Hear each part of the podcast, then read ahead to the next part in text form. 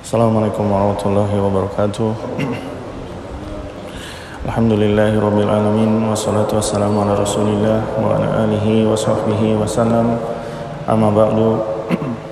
Alhamdulillah kembali melanjutkan Tadabur Al-Quran. Sudah sampai di ayat 266 dari surat Al-Baqarah.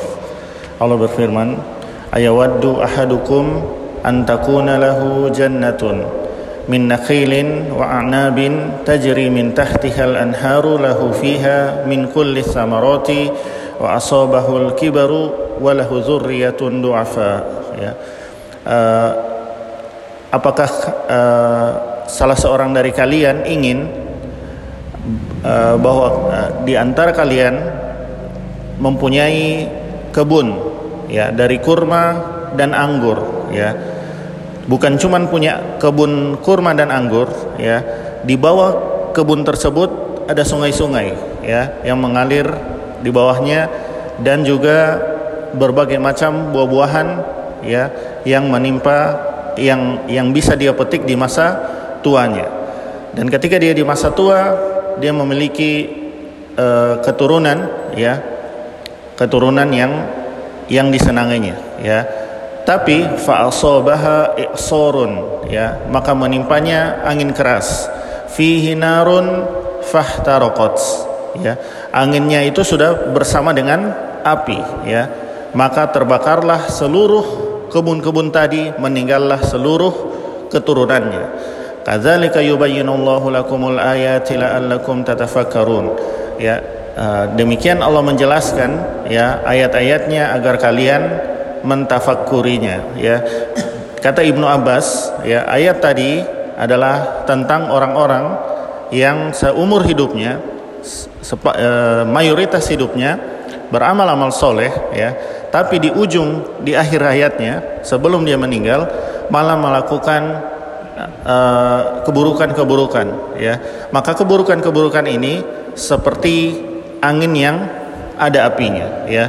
Segala amal soleh yang sudah dilakukan sebelumnya ya karena perbuatan buruknya di akhir hidupnya menghapuskan pahala dari seluruh amalnya tersebut ya. Sehingga dia mati di atas hal tersebut dan uh, diancam dia terancam dengan neraka. Maka pentingnya istiqomah ya uh, sampai akhir hayat kita ya. Tidak boleh terujub tidak boleh takabur dengan apa yang sudah kita amalkan karena apabila yang mengakhirinya adalah amalan buruk ya apabila tidak bersabar di atas amalan soleh ya maka Allah mudah menghapusnya ya. Allah mudah menghapus uh, amalan soleh kita karena kita sendiri mengganti amalan soleh tersebut dengan amalan yang buruk ya. Maka hendaknya kita ini di antara uh, ancaman bagi orang yang tidak mau bersabar di atas amalan soleh ya. Jadi di samping di samping takut eh, ancaman suul khotimah ada juga ancaman dihapusnya amalan-amalan soleh. Bayangkan sudah berapa puluh tahun sholat sudah berapa puluh tahun sedekah sudah berapa puluh tahun tiap tahun mungkin umroh haji ya. Tapi di akhir hayatnya karena tidak bersabar-sabar ya malah mengamalkan amalan yang buruk ya. Maka hati-hatilah ya. Jadi di sini kadzalika yubayyinullahu lakumul ayati ya. E, demikian Allah menjelaskan ayatnya agar kalian yang sampai kepadanya ayat ini mentafakuri ya memikirkannya. Ya jadi bukan sekedar dilewati saja ya dipikirkan agar jangan sampai kita termasuk orang yang diancamkan oleh ayat ini ya.